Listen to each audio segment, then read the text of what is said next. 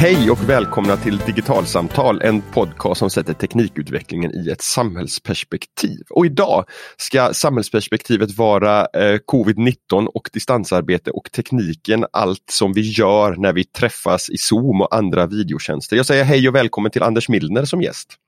Hej Anders! Eh, du och jag brukar ibland samarbeta, eh, vara ute och föreläsa om hur man eh, blir bättre på att använda e-post och få ordning på jobbet i ett koncept som vi kallar för workhack. Men det är inte det vi ska prata om idag. Eh, idag ska vi prata om videomöten, eh, det som under våren gjorde det möjligt att eh, fortsätta jobba och som under våren upplever jag många tyckte faktiskt funkade ändå ganska bra. Man blev överraskad över hur, hur väl det gick att, att flytta från de fysiska samarbetena till de digitala. Men min uppfattning här under hösten när man har kommit tillbaka efter semestern är att nu finns det en helt annan frustration över alla de här digitala mötena.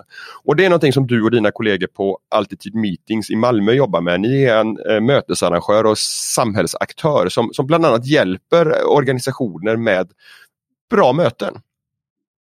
Mm. Ja men det stämmer ju och vad vi ser just nu är ju att Våren var ju en prövoperiod för alla när pandemin kom och för de som flyttade över sina fysiska möten till digitala så blev det ju en extrem prövoperiod. Det var så mycket man var tvungen att lära sig. Sen kom vi ju ändå från det där att vi, ja, men vi har ju haft videomöten nu, vad är det i 17 år, något sånt där som Skype har funnits. Så att folk hade ju kanske lite grann tanken att, vi, att, att de ändå kunde där, kunde, liksom, kunde skala upp det till konferensnivå. Och, och, där gick ju många rakt, sprang ju många rakt in i, i väggen eller vad man ska säga. För att det, det är ganska komplicerat att få till det. Eh, så vad vi märker nu är ju att, att ja, det var kanske okej okay att, det, att det inte funkade så bra i våras eftersom alla var i samma situation. Men nu så är den förlåtande tiden över och nu krävs det att, att, eh, att allting faktiskt funkar och att ribban har höjts betydligt.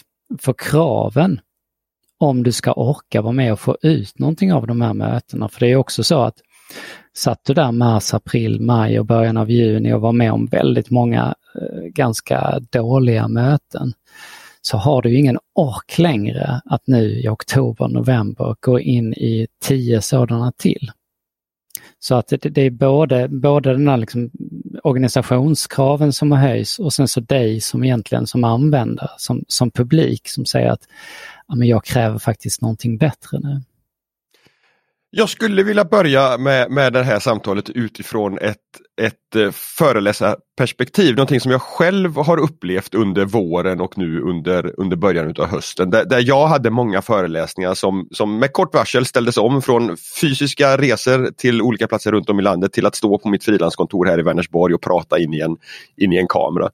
Och eh, där, där liksom den, den direkta liksom så här, omställningen för mig var att köpa på mig en hel del teknik. En, en, bättre kamera, bättre ljussättning, en greenscreen och så vidare. Och sen under våren ändå vara ganska nöjd med att, att det tekniska fungerade.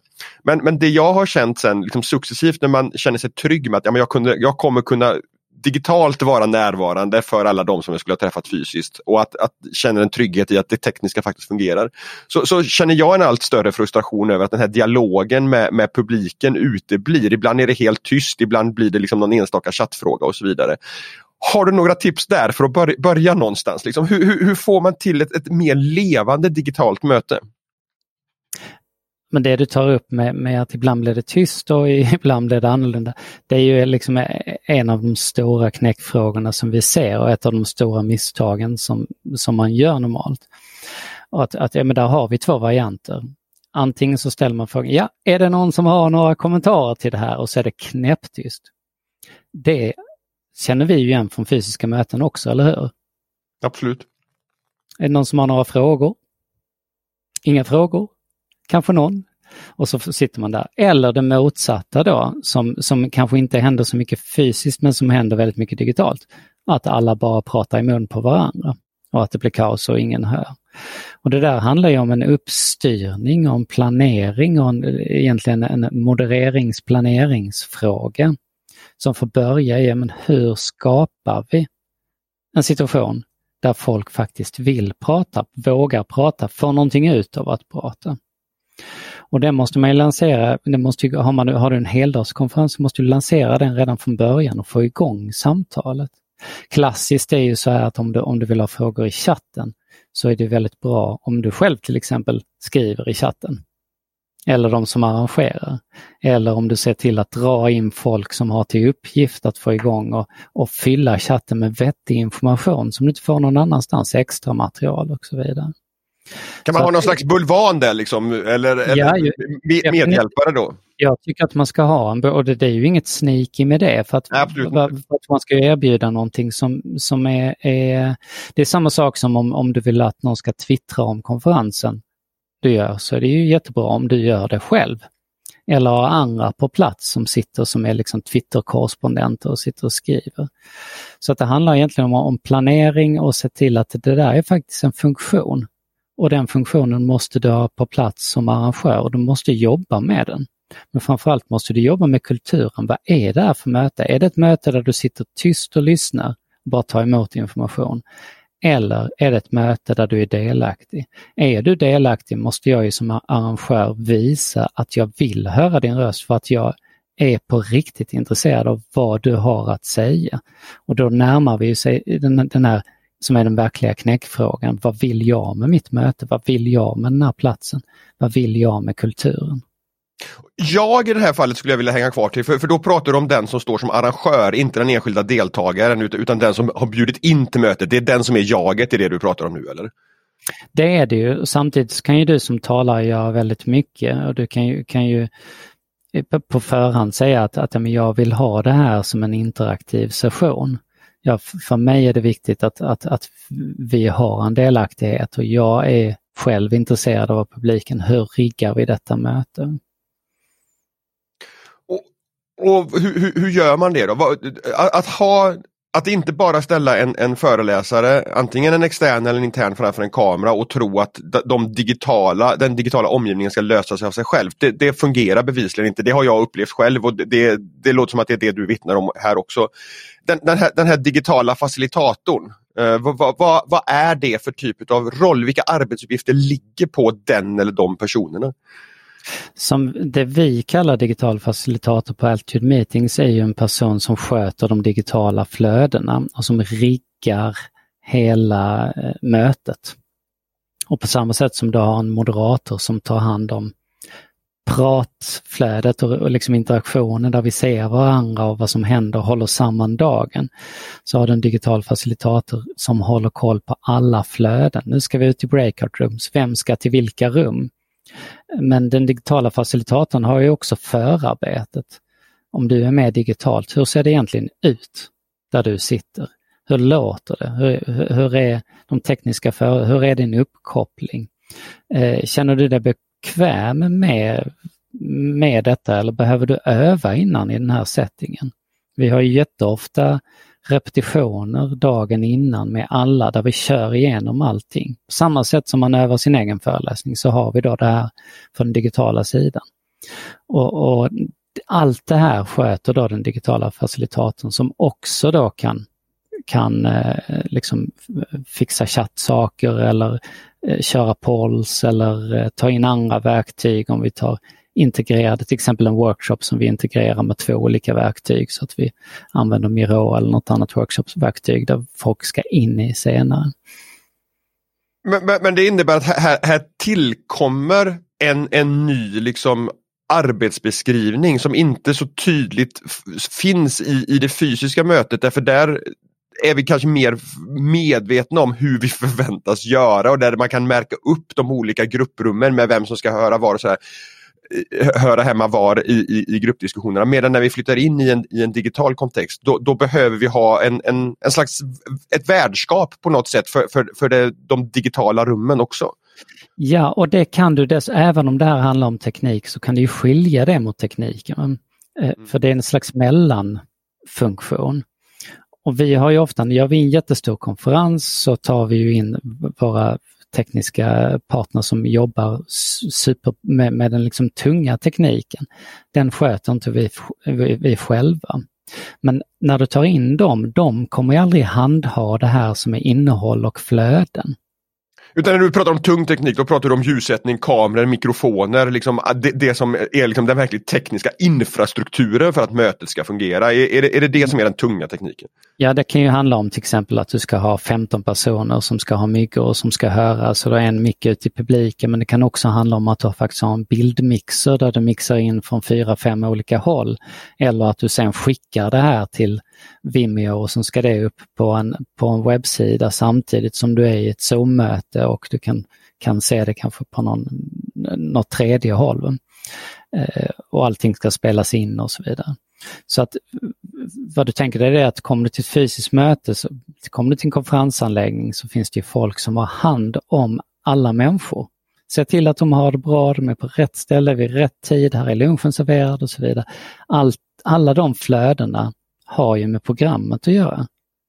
Det har inte med tekniken att göra. Just det. Mm. Och där kommer det då in en, en, en, en, en ny roll som är den här digitala facilitatorn som visserligen jobbar med teknik, men inte på det sättet som personen som sitter och bildmixar. Eller skickar en ström någonstans. För, för, för dem, deras uppdrag är att se till att tekniken fungerar medan dig, den digitala facilitatorn jobbar med hur mötesdeltagarna använder tekniken. Är det en, ja. är, liksom ett sätt att göra en distinktion mellan det? Så ska man, och, att alla är på rätt plats vid rätt tillfälle. Uh, är, är det här någonting som, som ni och era kunder har, har, har lärt er att det, det, här är en roll som, som behövs eller, eller hade ni det här liksom på plats från, från pandemistart så att säga? För oss så grundade det sig att, att när pandemin slog till och vi har ju för den som lyssnar som inte känner till det har ju också en, eh, egna konferenslokaler förutom att vi gör konsulttjänster. Så nollades ju alla våra bokningar för hela året. I stort sett eh, under en vecka. Och när vi då började med digitala möten så gjorde vi det i ett läge där vi inte kunde eh, kalla in de här stora eh, liksom, tekniska lösningarna. Att vi fick börja på steg ett och noll. Hur kan vi med vår organisation göra allt detta själva och hur kan alla göra allting? Eh, och då blev det ju den rollen som vi kallar digital facilitator, för de andra fanns ju fortfarande kvar. Någon skulle mm. vara moderator, någon skulle vara talare, någon skulle göra program och så vidare. De gamla rollerna fanns kvar, sen kom den här till. När vi sen adderade och gick upp i format, för de första mötena var ju ganska hyfsat små, men när vi ganska snabbt gick upp och fick hundratal, liksom, nu har vi 500 människor här.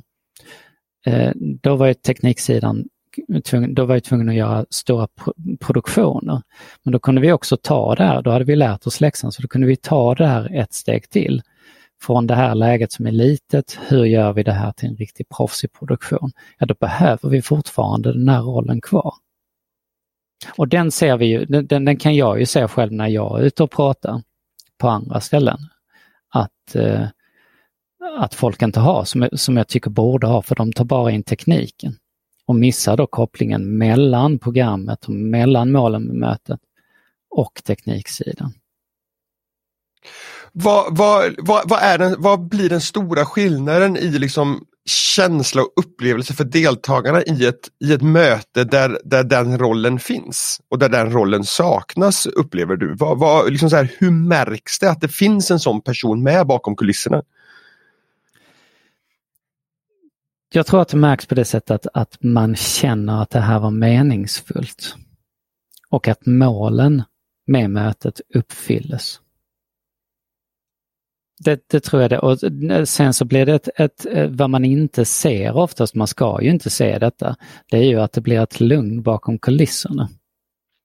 Och, och, många som, som vi jobbar med, när vi frågar så, men vad tyckte ni efteråt? Så säger de oftast, att det här känns lugnt, det här känns tryggt, det kändes så stabilt, det, det, det, det är inte alls den stressen som vi upplever i andra sammanhang.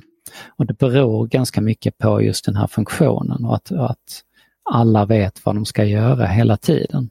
Och att ingen, att vi inte har de här öarna då så att säga. Ja men jag sköter bara den här eh, ljud upp, djup ner-knappen. Jag bryr mig inte om att dina interaktion inte fungerar. Ja, det vet den digitala facilitatorn att nu vill Anders Thoresson ha en interaktion här. Just det. Och, det, och, det, och det är därför då repetitionerna blir så viktiga också. Därför att då, då kommer man kunna prata med de enskilda föreläsarna om att så här, när jag har kommit till den här bilden i min presentation, efter det så kommer en, en, en enkätfråga eller någonting och då, då finns någon som är beredd att se till att svaren och liksom så här, den interaktionen med publiken faktiskt kommer igång så som det behövs för att man ska få den här liksom, positiva helhetsupplevelsen utav, utav dagen. Sätter du innehållet i fokus så måste du ha repetitioner. Mm. Så, så, enkelt är det. Det är ingenting som händer spontant av en slump, speciellt inte i ett digitalt möte som bara, nej men nu fick jag en idé, nu gör vi så här. Det, det, kommer inte funka om du har 20 personer om du har kanske liksom 700 i publiken. Är det svårare att vara spontan i det, i, i det digitala mötet? Är det det du säger? Nej, det tycker inte jag, men jag tycker att spontanitet kräver repetition och kräver planering. För då har du utrymme, då är du lugn och trygg och vet precis vad som kommer hända. Då har du utrymme att vara spontan. Yes. Det är precis samma sak som om du ser en, en, eh, en känd ståuppare på en scen, har ju utrymme att vara spontan eftersom den personen är trygg och säker med var den är i sitt material, var den ska vara på väg. Och däremellan luckan kan man vara hur spontan som helst för att man har en riktning. Men då tänker jag så här i, i, i det digitala som vi pratar om nu där, där, där, du har någon som står framför kameran och du har den här uh, facilitatorn som ska hålla ihop allting. Kommer du inte sätta den på pottkanten om du som, som uh, föreläsare plötsligt börjar liksom freebasea och liksom så här, improvisera på scen? Att det blir inte viktigare att hålla sig till, till liksom det, det inrepeterade tänker jag. Vi kan ju säga att, att tider och tidsschema blir väldigt, väldigt viktigt. Mm. För att det är så mycket tekniskt som ska klaffa. Du kan ha en föreläsare som ska kopplas på senare liksom, och sen ska vissa saker hända. Så att du, du kan inte rucka så mycket med tidsschemat som, som du har kunnat. Det tycker jag bara är bra. Alltså det största problemet med konferensen normalt, det är ju att folk inte håller tiden. Absolut. Eller hur? Absolut. Nu blir lunchen blev fem minuter här bara för att vi har en talare som, som ville prata i två timmar för att den fick lite feeling. Så det, är inte, det ser jag inte som ett, ett problem i det eh, faktiskt. Utan man, man, får, man får vara spontan och improvisera inom de givna ramarna som, som man har fått själv. Ja, och där mm. tror jag att, att är du bara lugn och trygg och vet vad, du, vet vad ditt mål är så spelar det inte så stor roll om du ändrar lite grann eller om, om, om, om inte allting går som du tänker som enskild föreläsare för att ja, men, jag, jag, jag, tycker inte det spelar någon, någon, större roll. Det viktiga är ju att, att, att det här adderar, att, att det leder till något bättre när du känner, känner den här feelingen att du ska vara spontan. Ja. Jag tror jag inte så mycket spontanitet som, som, man, som, man, som man kanske föreställer sig. Alltså värdet av spontanitet. Om du ser på dina föreläsningar i efterhand, om du spelar in dem och säger men här var jag jäkligt spontan, det var jättehärligt. Så jag, jag, mm, jag tror ärligt talat inte att, att du värderar det lika mycket som i stunden. Nej. Eh, du har varit inne på mål två gånger och det, det, var något som du tryckte på när vi försnackade innan vi tryckte på rekordknappen här också. Att innehåll och mål blir viktigare när vi, när vi flyttar mötena från det fysiska till det digitala. Det är viktigt i det fysiska också men ännu viktigare i det, i det digitala. Varför det? Därför tror jag att, att här har vi en konkurrenssituation som ser annorlunda ut. Säg att du går på en konferens nu på eh, imorgon, går du på en konferens? Fint. När går du på nästa? Det tar antagligen några veckor eller några månader. Vissa människor går kanske på en konferens om året. Så du hamnar inte i en situation som liknar den. Men säg att du sitter och tittar på mig när jag pratar på, på din skärm och på en streamad föreläsning. Så kommer du kanske redan samma dag och se något som liknar det väldigt mycket. Kanske se ett TED-talk eller ett YouTube-klipp eller, eller, eller, vad som helst. Och det gör att konkurrensen finns ju där närvarande. Så ett digitalt möte tror jag att du konkurrerar med allt annat som är streamat och som är digitalt. Och det gör att du kommer att värdera det här, jämföra det med massa saker som kanske inte riktigt är rättvist men, men, men det är så det kommer funka. Och Det innebär då att innehåll och mål blir superviktigt för att du ska få någonting. Så, vad du vill svara på är varför ska jag se detta? Varför ska jag inte klicka av, googla, hitta en föreläsning om detta som är bättre? Du gör det på 30 sekunder. Om inte jag uppfyller mina mål och krav som är att jag ska vara lika bra eller bättre. Jag ska ge dig någonting som är bättre än det här andra. Annars är det, varför ska du titta annars? Men in, innebär det då att, att möten och konferenser behöver bli ännu spetsigare och ännu nischade och ännu mer skräddarsydda efter liksom den organisationens behov. Att det blir svårare att ha de här öppna breda konferenserna där folk betalar eh, x antal tusen kronor för att eh, gå på någonting som någon arrangerar och att det blir mer attraktivt att göra liksom en, någonting för en enskild arbetsplats eller en enskild organisation och så verkligen jobba med, med arrangörerna där. Ja, men så här, vilka frågor är det ni brottas med just nu? Vilket innehåll är det som era deltagare, era medarbetare faktiskt behöver ha svar på just nu? För att ge någonting som inte finns på Youtube generellt i, i något helikopterperspektiv utan som, som svarar på de behoven som faktiskt finns hos de som lyssnar alltså för mig som jobbar med innehåll till möten och konferenser så var det en väldigt ledande fråga Anders. Ja men självklart ja, alltså där har vi ju problemet. Och det problemet har ju funnits hela tiden.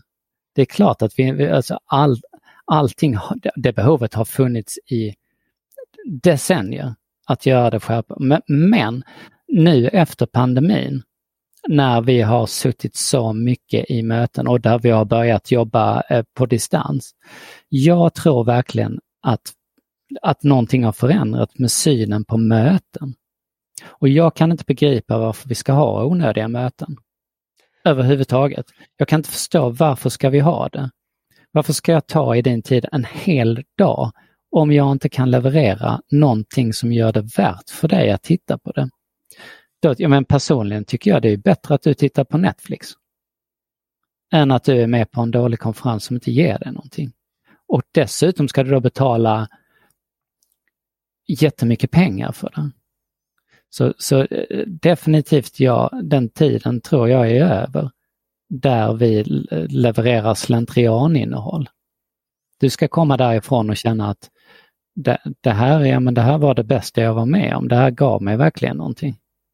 Men, men det innebär att, att eh, förberedelsetid eh, är någonting som man behöver lägga mer resurser på här också då. Därför att det, då, det innebär att du kan liksom inte gå till en, till en talarförmedling egentligen och, och liksom så bara plocka ut en, en, en mallad färdig föreläsning och, och boka den eh, och, och tänka att nu har vi ett bra konferensprogram. Utan, utan här behöver du liksom så här, det här blir en ledande fråga också känner jag Anders. Eh, men, men, men jag, jag, jobba innan på ett helt annat sätt. Ja men eller hur och, och, det är det som folk märker nu kanske eh, då som vi märker gentemot våra kunder att, att de börjar förstå då exakt faktiskt hur mycket tid som man behöver lägga innan. Och eh, det är den, den stora anledningen varför folk misslyckas med sina digitala möten. Att man hanterar det eh, för slapphänt och på ungefär samma sätt som man gjort fysiska innan. Det ordnar sig, det tar vi med. Anders brukar vara spontan, han löser det på scenen, han, han brukar alltid fixa det. Och det gör du inte i den här settingen. Dessutom ska vi komma ihåg då för, för de flesta människor som är, de, som är deltagande talare så är det här en ganska ny situation. Det var, var väldigt eh, eh, talande bild när jag modererade en konferens i, i, i somras med en jättestor produktion som var som att gå in i en, i, i en superproffsig tv-studio. Och alla talarna där som, som var väldigt, väldigt kända kände sig obekväma i den situationen. Även de, vi hade liksom några av våra mest kända talare för att den var så ny. Alla utom en som var Fredrik Reinfeldt, som sa att ja, men det här är lugnt, det är precis som att vara med i Aktuellt.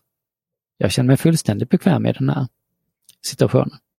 Men, men med det sagt så att, så att den här tiden att förbereda sig, det är inte bara produktionen, det är ju de enskilda människorna som ska leverera och där ställs det ju helt nya krav på dem och det måste man ta in när man, när man, när man arrangerar någonting. Hur gör jag som arrangör för att de här tio personerna ska känna sig trygga och lugna? Där har jag ett jätteansvar att se till att få fram det bästa ur dem. Um, en ny sak som har hänt här under hösten eh, upplever jag är att i, i våras när, när Sverige stängde ner och alla började jobba hemifrån så innebar det att väldigt många av de mm, konferenserna och, och föreläsningsbokningarna och sådär flyttade från att vara 100% fysiska till 100% digitala där alla satt och följde det här vid sin egen dator, eh, sin egen webbkamera och sin egen, eh, sin egen dåliga mikrofon. Till att nu eh, bli mer någon slags mix ibland där, där vi har en publik på plats eh, och sen kanske lika många eller, eller ytterligare ett antal som följer samma konferens eller samma möte digitalt. Eh, vilka, vilka, vilka, utmaningar följer med det och hur, hur förhåller man sig till den här liksom mixen mellan fysiskt och digitalt i samma leverans? Mm. Och, ja, men det här är ju så otroligt spännande. Och vi är mitt inne i den processen nu att vi diskuterar det här, vi försöker hitta lösningar på det och det är någonting som jag själv känner mig så otroligt peppad på att, att, att jobba vidare med. Hybridmöten kommer det, det är liksom den trend, eh, trenden som folk kom, kommer att prata om fram från och med nu. Men jag vill säga att jag, jag, tror att när ni hör ordet hybridmöte så kommer ni höra fel sak. Alltså, det är folk som pratar om fel saker. Vi har alltid haft ett fysiskt möte och så har vi kopplat upp en, en, en publik digitalt med en kamera. Och det kallar nu folk för hybridmöten. Det, det, tycker vi är fel, det är inte det som är ett hybridmöte. Hybridmöte är ju om man tänker sig att ha en fysisk publik och en digital publik och det som sker i mellanrummet. Okay. Så ja, men problemet fram till nu, du har säkert varit med som digital deltagare på en, på, på en fysisk konferens. Du kommer alltid i andra hand. Det är gjort för den fysiska publiken. Det är ingen som talar till dig. Det, din röst är inte lika mycket värd. Du är liksom åskådare på håll snarare. Så, så utmaningen här är hur får vi det här till en, en, en, en ny sfär som är mellan den fysiska och den digitala. Den kommer ju naturligtvis att vara digital där är ju kraven, de tekniska kraven som vi pratade om tidigare, de har ju höjts enormt. Då. För då krävs det ju att båda parter fysiskt digitalt ska kunna prata med varandra. De ska kunna höra varandra. De ska kunna se varandra och det ska ske sömlöst. Dessutom har du ju talare och moderatorer då från kanske lite olika håll och de ska kunna interagera med alla på samma sätt.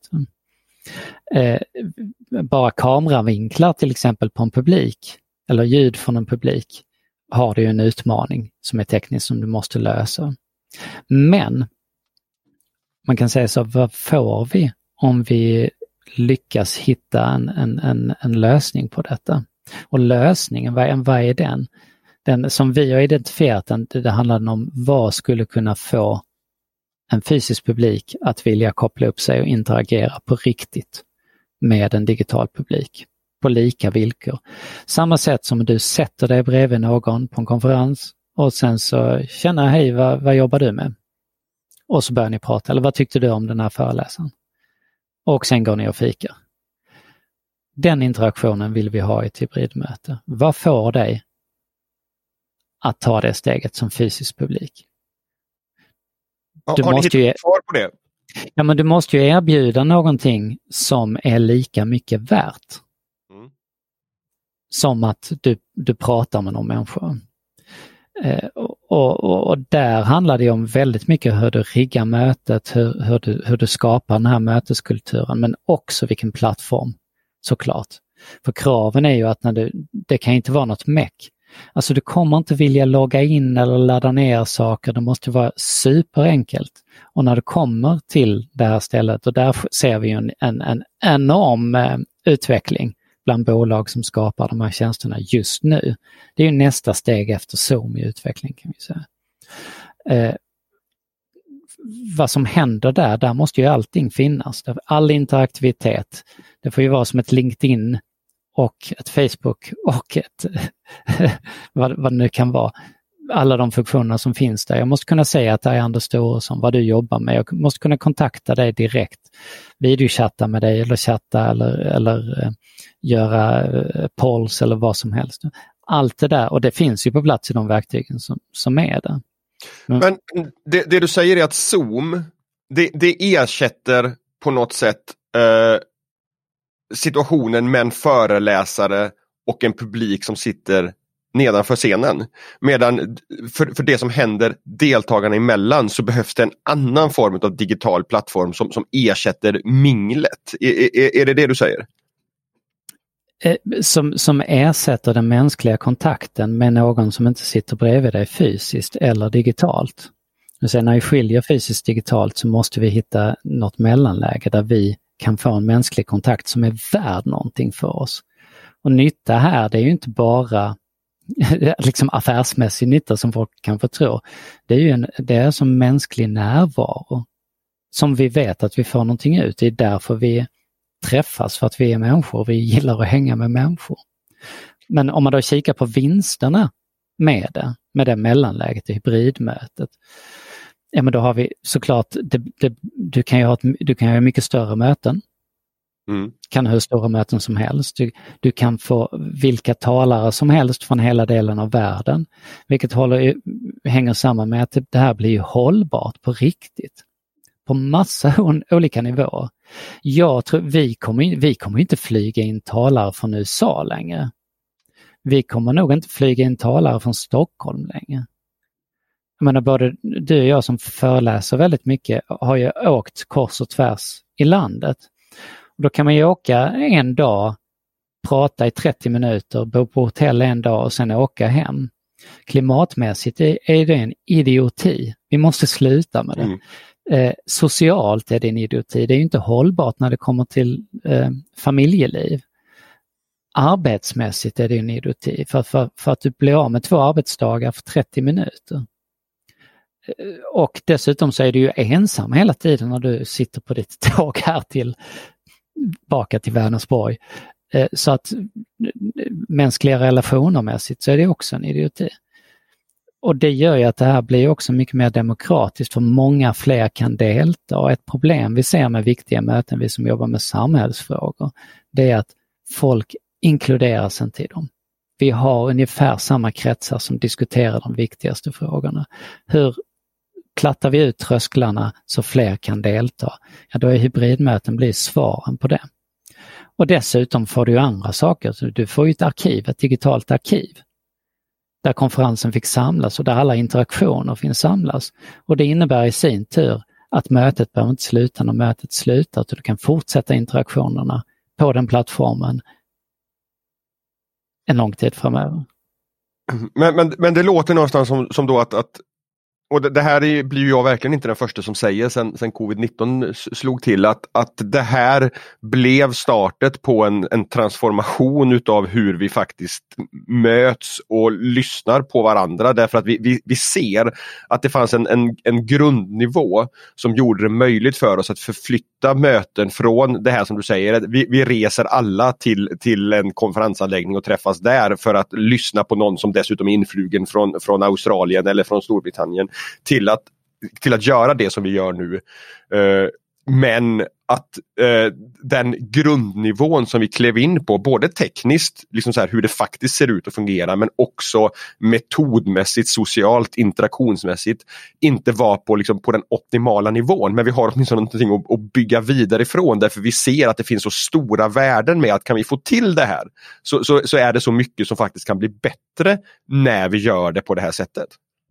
Ja men eller hur, och det är så mycket som har fallit på plats sen i våras.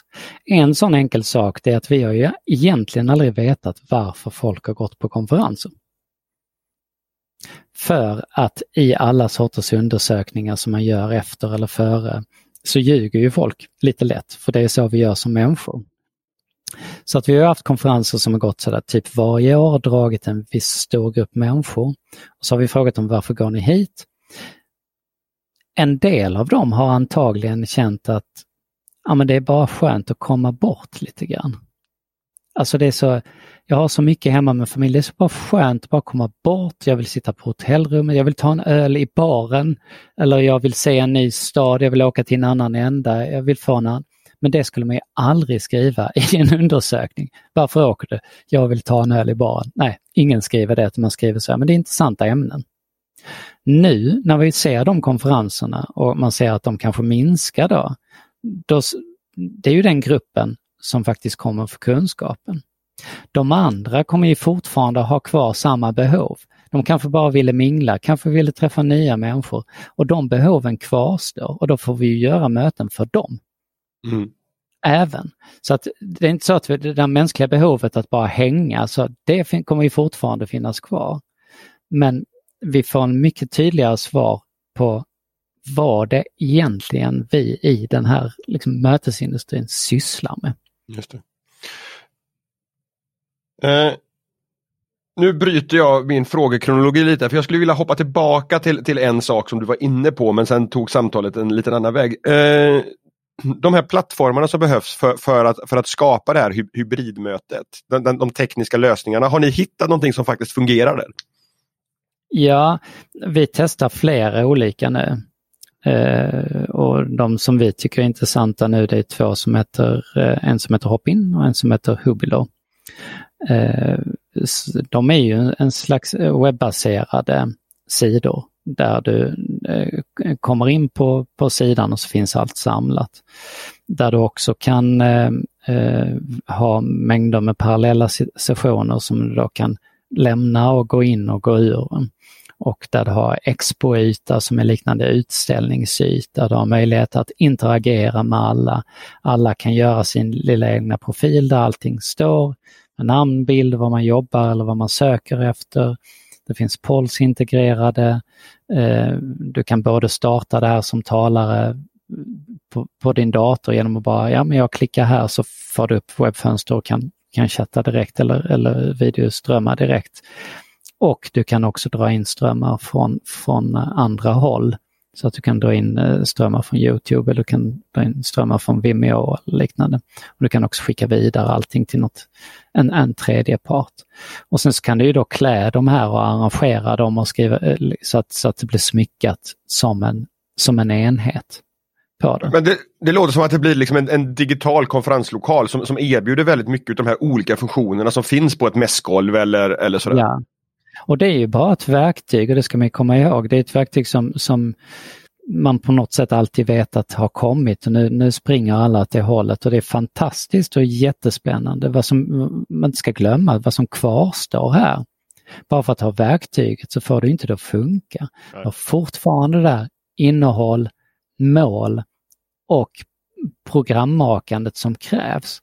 Och att någon sitter och faktiskt ser till att vi får interaktion, att vi bygger kulturen och att det flödet du har i den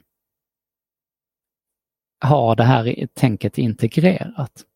Så att så fort du går upp här så då, du har du ännu mer förarbete, du måste ha ännu mer kunskaper om hur en, en grupp faktiskt agerar.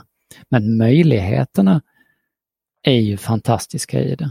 Och mm. trösklarna sänks för att du har allting på ett och samma ställe.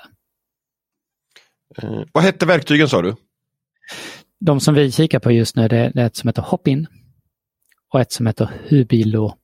Hubilo. Vi länkar till dem i, i, eh, i show notesen sen. Eh, Men jag ska säga här... att det finns, det finns mängder yes. av, av dem. Liksom.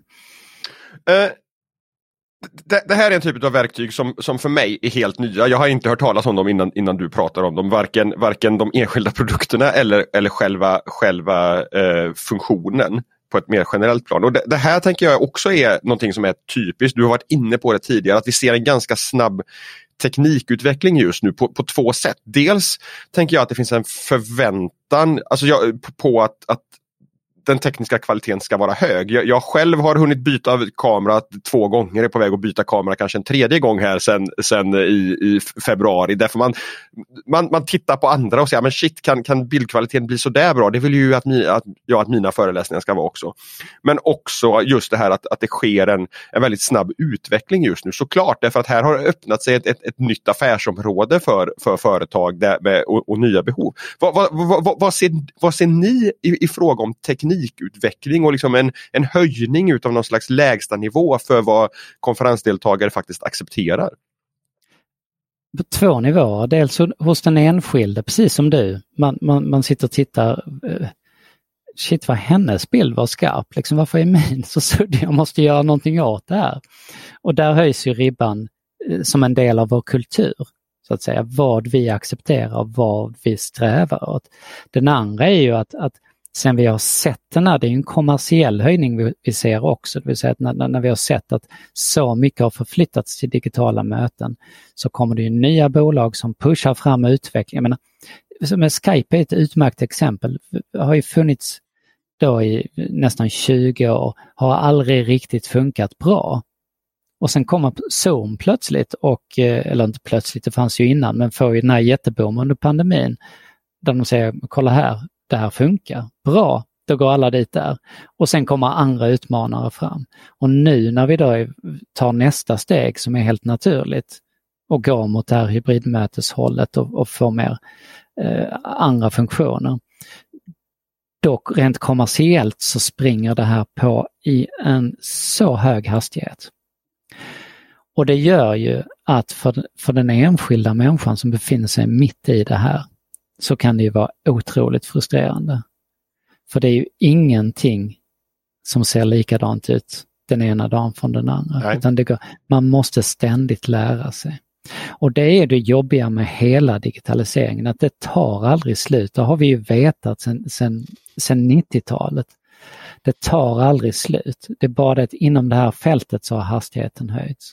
Mm. Och det gör ju att du får helt enkelt acceptera att du kommer att vilja byta den där, Eh, kanske inte micken, men, men kanske kameran, kanske din greenscreen, kanske verktyg, antagligen verktyg, eh, hela tiden.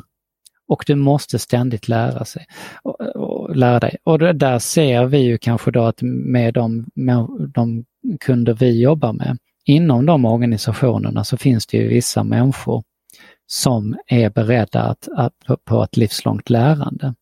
Och de tar ju ett kliv framåt nu för de, de kommer att belönas på ett annat sätt. Vi ser ju att de behövs för att få de här lite större mötena att fungera. Det är ju inte alltid de personerna som har haft roller att arrangera de fysiska mötena innan. Här kliver det fram stjärnor från massor av olika håll. Som, som då har helt enkelt accepterat, jag kommer fortsätta lära mig. Och samtidigt så, samtidigt så, så får man ju då hålla faktiskt blicken på det stora tycker jag. Vad är vinsterna med det? Varför gör vi det här? Vi gör det här för att det är mer demokratiskt, det är mer hållbart, det blir bättre, vi har mer kunskap till fler människor. Och då får jag kanske vara beredd att sitta på kvällarna. Det kommer inte finnas några kurser för detta. Det är trial and error, vi får sitta själva med det. Uh så här långt i, i det här samtalet Anders, när vi har pratat om möten så har det varit i, i bemärkelsen stora möten som drar åt, åt konferenshållet. Men, men det finns en annan typ av möten som också är jättemånga just nu, inte minst eftersom Folkhälsomyndighetens rekommendation är att vi ska fortsätta jobba hemifrån. Och det är liksom de här interna små veckomötena med, med, med fyra, fem kollegor som, som ständigt nu sitter, som du och jag gör nu, i, i en videokonversation med varandra. Vad, vad, finns det för lärdomar att dra från de stora mötena som man kan plocka med in i att, att få de här liksom, arbetsmötena som, som normalt sett sker i ett konferensrum en halvtimme en torsdag förmiddag att, att flyta på på ett bra sätt? Mm. Antingen eh, två lärdomar. En är ju egentligen att, att, att man får betrakta dem på samma sätt, det vill säga att de behöver förberedelse, de behöver ramar, de behöver riktlinjer för att få saker att flyta. De planlösa, onödiga mötena som alla har varit med om. Alltså så länge som vi har haft kontor, vilket jag hörde igår i 300 år, så har vi haft jag har 300 år av onödiga möten där folk bara sitter, ja men jag dör, ta mig härifrån. Det där Vilken deprimerande tanke. Ja, eller hur? Känna ångesten från generationer flöda över oss. Men, men det där blir ju då ännu mer accentuerat i en digital miljö. För just det här skälet tror jag som, som, som jag tog upp tidigare, att vi kan jämföra de andra digitala saker som faktiskt är roliga och mer värdefulla. Så vi behöver lägga mer tid på att faktiskt fråga oss vad gör ett möte bra, effektivt och nödvändigt.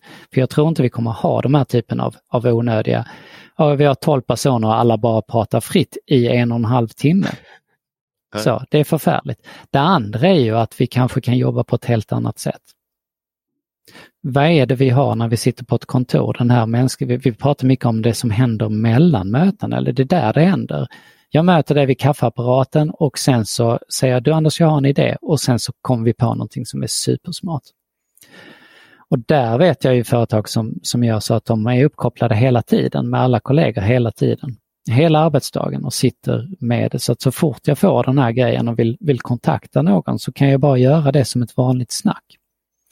Det är en sak som jag tror kanske inte så många håller på med, men som kan vara värt att fundera över. Hur skapar vi ett distansarbete där vi fortfarande är ett team och där vi fortfarande får den här mänskliga närvaron, mellanrummen mellan agendamötena. Där kan en ständig uppkoppling faktiskt vara sättet som löser det. Och gör vi det, då tror jag möjligtvis att vi kanske också löser de onödiga mötena. De kanske inte behövs då. Just det. Vad hoppfullt det lät. Uh, jag vet som avslutning att, att ni har, har gjort en liten lista med, med vanliga misstag som, som ni tycker att man ska, man ska undvika när man eh, jobbar med de här digitala eh, eller hybridmötena. Kan vi få höra den listan Anders? Mm. Ja, men den första handlar ju om, om, om det här som vi, vi tog upp, att prata eller vara tyst. Alltså hur får vi engagemanget från folk? Att sätta det som en del av programarbetet och fundera över det. Hur får vi delaktighet? Hur får jag den här gruppen av människor att prata? Och där kommer jag ihåg att olika grupper av människor är väldigt olika. Och där kan man till och med dela upp grupperna, någonting vi brukar göra i, i, tre grupper. Vi har en liten del, de kommer vilja prata hela tiden för de är sådana. Andra, de kommer prata lite mellan om det är intressant för dem att prata. Den tredje gruppen, de kommer antagligen inte säga någonting alls om de inte är superbekväma med det. Och då kan du faktiskt göra tre olika sorters program för dem inom ditt program. Faktiskt. Men innebär, plock, plockar, du, plockar du någon från respektive kategori och sätter i, i en grupp då eller tar du alla de pratglada och sätter man tillsammans så att de får köta hål i huvudet alltså, Man kan ju få välja och man kan ju vixla, mixa. Man kan ju ha till exempel som vi brukar ha ibland, tala, diskutera, lyssna. Ah, okay. Mm. Tre olika format som du kan välja i en breakout. Beroende på, ja men då löser du det. Vill inte folk prata så kommer du aldrig få dem att prata. Men du ska ju alltid fundera över då, vad är det jag kan göra för att få folk att vilja prata? För ett stort problem i vårt samhälle idag är att inte alla röster hörs. Och att vi får ingen diversifiering eftersom folk har fått för sig, vi har präntat in dem i deras huvud att deras röster är inte eh, åtråvärda för oss. Och det handlar ju sänka trösklarna om att få de här människorna att säga du, du är välkommen, vi vill höra dina röster. Vi vill höra dem mer än den här 55-åriga mannen som alltid pratar, för vi har hört honom.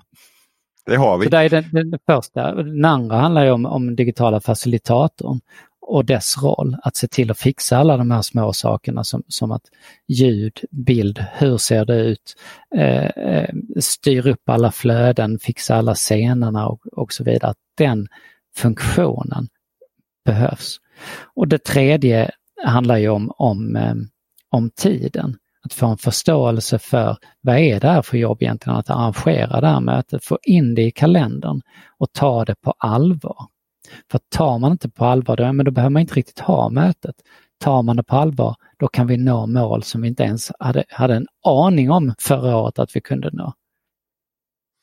Så, så misstag nummer ett är att inte tänka till om hur ska vi kunna få till en bra diskussion och en dialog mellan deltagarna. Misstag nummer två är att inte tänka till om hur ska vi använda en facilitator för att bland annat lyckas med det. Och misstag nummer tre är att eh, inte ens fundera på hur mycket tid behöver vi egentligen lägga på att förbereda och planera den här, det här mötet så att det blir så bra som möjligt. Och i det här så ligger ju såklart en, en, en tanke om att, att innehållet är allt. Vi säger att så, tekniken, den är inte den viktiga. Alltså lås inte fast dig i tekniken. Du kan hyra in någon som kan sköta det allra mesta. Utan det viktiga, grunden för ett möte, är egentligen ditt programarbete och dina tankar kring innehåll. Vad som är ett bra innehåll, vad som är dåligt, varför du vill göra det. Och det ligger då i, i tidsaspekten. Anders Milner, stort tack för ett superintressant samtal om det som vi kommer fortsätta leva med under lång tid framöver. Digitala och hybridmöten.